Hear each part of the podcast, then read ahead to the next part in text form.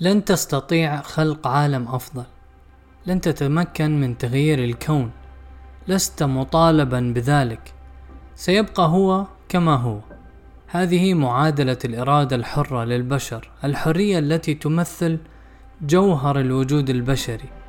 بكل ما فيها وكل من فيها خير شر حق باطل رضا بؤس سلام وقتال.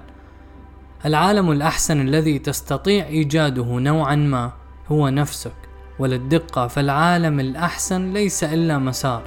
نعم هو المسار هو الطريق والدرب. لم يكن ولن يكون بقعة جغرافية أو حقبة زمنية أو الاثنين معا.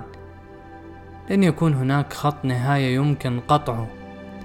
العالم الأحسن قد يكون أبسط من ذلك. مجموعة خطوات تجده في ابتسامة في عون في كلمة طيبة في براءة طفل.